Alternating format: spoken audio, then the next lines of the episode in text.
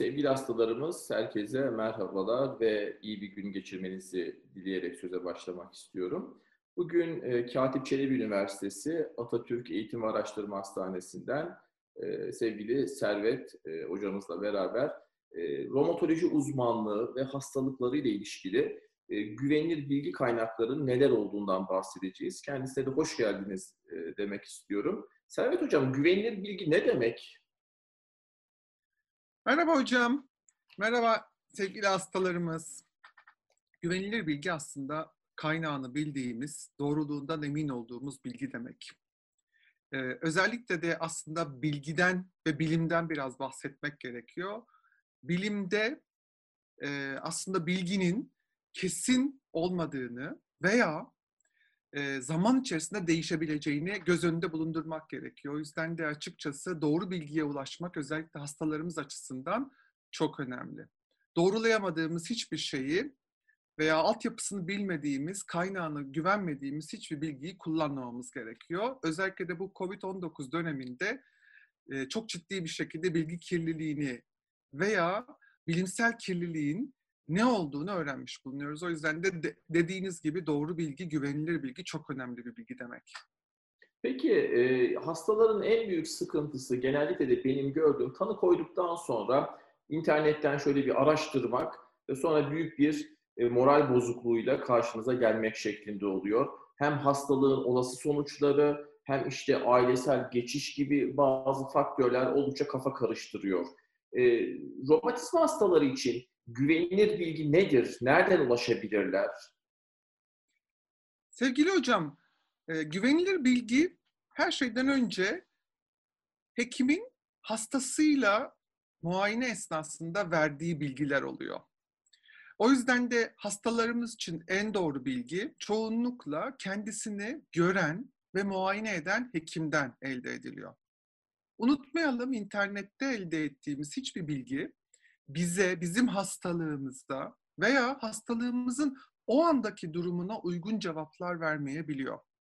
Kaldı ki en kötü olasılıklar üzerinden ilerlemek de çoğu kez hastalarımız açısından ciddi moral bozukluğuna sebep olabiliyor. Mesela örnekler açısından bakılacak olursa bir ailevi Akdeniz hastasında tüm hastaların amiloidoz geliştirmediğini hastalarımıza öz, e, güvenerek söyleyebiliriz. Özellikle de kolşisin gibi son derece ucuz ve kolay ulaşılabilir tedavi alternatiflerini e, düzgün kullanıldığı takdirde amiloidoz olasılığının neredeyse olmadığını hastalarımıza güvence vermemiz gerekiyor. Veya ankilozan spondilitte tüm hastaların kambur hale gelmeyeceklerini veya ciddi kısıtlılık olmayacağını hastalarımıza söylememiz gerekiyor. Oysa internette özellikle de doğrulanamayan bilgilerin yer aldığı bir takım internet sitelerinde e, çoğu kez hastaların canını sıkabilecek, moralini bozabilecek bir takım doğru olmayan bilgiler yer alabiliyor. Ama hastalarımız için dediğim gibi bence en güvenilir bilgi kendisini gören, muayene eden hekimin verdiği bilgidir. Çünkü hekim o sırada hastayı ve hastalığını değerlendirebilme şansına sahip olan tek kişi oluyor. Onun dışında örnek vermek gerekecek olursa Türkiye Romatoloji Derneği gibi uzmanlık derneklerinin sitelerinde hastalarımız için oldukça hemen hemen tüm hastalık grupları için oldukça uygun, oldukça özenle hazırlanmış bilgiler yer alıyor. Eğer yabancı dilde hastalarımızın e, bilgileri gözden geçirebilme şansları varsa Avrupa Romatoloji Cemiyeti'nin, hatta Amerika Romatoloji Cemiyeti'nin oldukça doğru ve güvenli bilgi verdiğini de hatırlatmak gerekiyor. Bazen bu konuda uzmanlaşmış üniversitelerin sitelerinde de yine doğru bilgiye ulaşmak mümkün olabiliyor. E, teşekkürler. Aslında hani biz e, Türkiye Romatoloji Derneği olarak hastaların bu beklentisini farkında olduğumuzdan dolayı yaklaşık 7-8 yıl önce işte hastalara yönelik bir internet sitesi kurmuştuk Romatizma TV ve bize sık gelen soruları e, buradan yanıtlamaya çalıştık ve e, oldukça da e, faydalı olduğunu görüyoruz. E, geçen ay e, girici sayısı mesela 135 bin ve totalde de 5 milyonu aşkın bir kullanıcı sayısı var. Dolayısıyla hani insanların demek ki aklında bazı sorular var hekimlere ulaşamıyorlar e, ve bu soruların yanıtlarını bir yerde arıyorlar. Ve internette çok geniş bir bilgi kaynağı olmasına rağmen aslında her şey de doğru değil. Bir kere en kötü durumda olan hastalarımız genellikle bu kaynağı biraz daha fazla kullanıyorlar ve kendi deneyimlerini böyle bir genelleştirme eğilimi var. Her hasta öyle kötü seyretmek zorunda değil. İkincisi benim de gördüğüm şeylerden bir tanesi internet açısından e, bazı e, kötü kullanıma e, hevesli kişiler, işte farklı ilaç önerileri, bitkisel takviye önerileriyle kişilerin kafasını, hastaların kafasını karıştırmaya çalışıyor. Dolayısıyla internette okuduğunuz her bilgi doğru değil. En ideali bana kalırsa hekimle hastanın karşılıklı görüşmesinde elde edilecek şeyler. Peki bunu daha verimli hale getirmek, hekim hasta görüşmesini daha iyi kılabilmek ve hastaların e, hekimlere yöneltmesi gereken hani sorular ya da akıllarında olan şeyler nedir? Çünkü kısıtlı bir zaman diliminde görüyoruz biz hastaları ve hastalar o zaman dilimi içerisinde o kaygılarını, endişelerini de gidermek istiyorlar. Bu konuda hekim hasta ilişkisinin daha iyi olabilmesi, muayenenin daha verimli geçmesi için bir önerin olur mu? Hocam her şeyden önce dediğiniz gibi gerçekten Romatizma TV önemli bir açığa hizmet ediyormuş gibi gözüküyor. Romatizma TV gibi aslında doğru bilgi kaynağı olan e, bir takım e, hedeflerden hastalarımız hastalıkları hakkında ön bilgiye sahip olduklarında hastalıklarının özellikle de o sıradaki aktivitelerini doğru bir şekilde hekime aktarabilmeleri gerekiyor.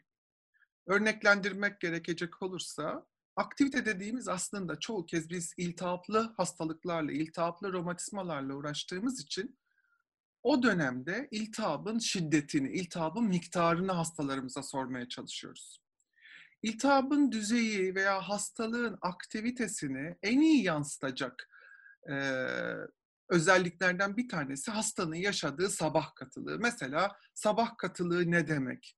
Sabah katılığının süresi, sabah katılığının şiddeti, hangi eklemlerinin ağrıdığı, hangi eklemlerinin şiştiği veya bu hastalıkla ilişkili olabileceğini düşündüğü bazı organ ve sistemlerin etkilenimleri olabiliyor. Örnek, ankilozan spondilitli hastalarda göz iltihabı veya ciltte sedef gibi bir takım döküntüler veya bağırsak iltihabına ilişkin ishal, karın ağrısı, hatta bazen kabızlık gibi şikayetlerini hekimlerle paylaşmaları gerekiyor. Bunu niye vurguluyoruz? Çünkü bazen hastalarımız hastalığıyla ilişkili olmayabileceğini düşündüğü için hekime söyleyemeyebiliyor veya hekime söylemek istemiyor. Hekimin de yeterince vakti yoksa ki aslında hastayla hekim arasında verimli ve iyi bir vizit yapılabilmesi için en önemli bence özellik hastayla hekimin geçirdiği zaman ve bunun kaliteli olması oluyor. Yani böyle 2-3 dakika içerisinde süren bir vizit ne hasta ne de hekim için gerçekten tatminkar olmayabiliyor. O yüzden hastalarımıza yeterince vakit ayırmaya çalışıyoruz. Hastalarımızın da buna biraz saygı göstermelerini istiyoruz. Ve dediğimiz gibi bazı bulguları hekimlerden saklamamasını veya hekim ilişkili olabileceğini düşündüğü şikayetlerini aktarmalarını istiyoruz. Tabii bunları her zaman hastalarımızın bilmesi gerekmiyor veya bilmesi mümkün olmuyor. Ancak bu gibi e, öğrenme kaynaklarımızdan, dediğim gibi uzmanlık derneklerinin veya Romatizma TV gibi doğru bilgi kaynaklarından elde edilebilecek hastalıkla ilişkili bir takım belirti ve bulguları öğrenmelerini tavsiye ediyoruz. E, aslında romatoloji hastalarının da Türkiye'de kurduğu bazı hasta dernekleri var. Ya da e, sosyal medya üzerinden benim de takip ettiğim hastaların e, üye olduğu bazı şeyler var. E, ama bir süre sonra benim de gözle, dışarıdan gözleyen birisi olarak e, hastalığı çeken kişiler e, ilaç dışı alternatiflere fazlasıyla yönelmeye ya da hastalar birbirlerine e, ilaç tavsiyesinde ya da öneri tavsiyesinde bulunmaya başlayabiliyorlar. E, bunun e, çok doğru olmadığı kanaatindeyim. Çünkü çok doğru şeyler söylenilmiyor. Hani bir kişiye iyi gelen birisi başkasına zararlı olabilir, yan etki yapabilir. Dolayısıyla hani bu kadar pervasızca e, hareket etmek e, sosyal medyada işte sen şunu kullan e, böbreğindeki tutulum geçecektir demek biraz iddialı gibi geliyor. E, dolayısıyla hani bu tür şeylere herhalde çok fazla itibar etmemekte fayda var. Ne dersiniz? Çok doğru bir noktaya temas ettiniz sevgili Timuçin Hocam. Her şeyden önce unutmamak gerekiyor. Özellikle de romatizmal hastalıklar hastaya göre değişiyor. Her hastalığın, her hastanın hastalığı kendisine özel oluyor. O yüzden de çeşitli bazıları standart hale gelmiş tedavi alternatiflerine her hastanın verdiği yanıt diğer hastadan farklı oluyor. Bazı hastalar ki bunlar aslında çoğunluğu oluşturuyorlar. Standart dediğimiz tedavi şekillerine son derece iyi yanıt veriyorlar. Oysa bir grup hasta, bereket ki bunlar daha azınlıktaki hastalar, standart dediğimiz tedavi seçeneklerine çok iyi yanıt vermeyebiliyorlar. O yüzden de hastalarımızdan en önemli te- e, isteklerimizden bir tanesi de diğer hastalardan alacakları tavsiyeler yerine hekimlerine tedavi alternatifleri konusunda danışmaları oluyor. Bu yalnızca bizim kullandığımız modern tıp veya modern tıbba ait tedavi alternatiflerini içermiyor. Özellikle de biraz önce de vurguladığınız gibi hocam alternatif tıp veya tamamlayıcı tıp diye geçen uygulamaların hemen tamamının bilimsel bir altyapısının olmadığını, o yüzden de hangi hastaya nasıl kullanılabileceğini veya hangi şekillerde, dozlarda kullanılacağını bilmiyor olmamızdan gerek, geliyor. O yüzden de özellikle de sosyal medyada veya internette gördüğümüz kendinden son derece emin e, bir takım e, önerilerde bulunan alternatif tıp açısından özellikle de hekimlere veya e, uzmanlara çok fazla güvenemiyorum ben kendi adıma. Peki. Aslında romatizma hastaları için hani somut olarak bu konuştuklarımızı kısa bir özet yapacak olursak primer bilgi ve e, sorumluluk aslında sizi takip eden hekimlerde. E, lütfen onlarla olan diyaloğunuzu iyi tutmaya, aklınızda olan soruları muayeneye gittiğinizde belki bir not alıp sormaya ve hani e, tatmin olmuş bir şekilde muayeneden çıkmaya ihtiyacınız var ki hekimlerin de aslında hastalarının söylediklerini doğru anladığını bilmesine ihtiyacı var. İkinci olarak çeşitli uzmanlık dernekleri bizim Romatoloji Derneği'nin kurmuş olduğu Romatizma TV e, hastalarımızın aklında olan bazı soruları yanıtlamaya büyük bir kısmını kapsadığını zannediyorum ama yüzde yüz olmayabilir çalışıyor. Dolayısıyla Romatizma TV romatizma hastaları için iyi bir kaynak e, olabilirmiş gibi gözüküyor. Ve bir de hani, internette çok fazla popüler olan e, tedavi önerilerine çok fazla itibar etmemelerinde fayda olduğunu düşünüyorum.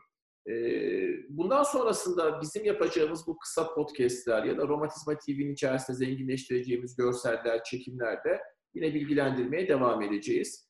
E, ben e, güzel sohbetiniz için teşekkür ederim. İlave olarak söylemek isteyeceğiniz bir şey olursa söz sizde hocam. Şahane toparlama yaptınız sevgili hocam. Herkese sağlıklı günler diliyorum.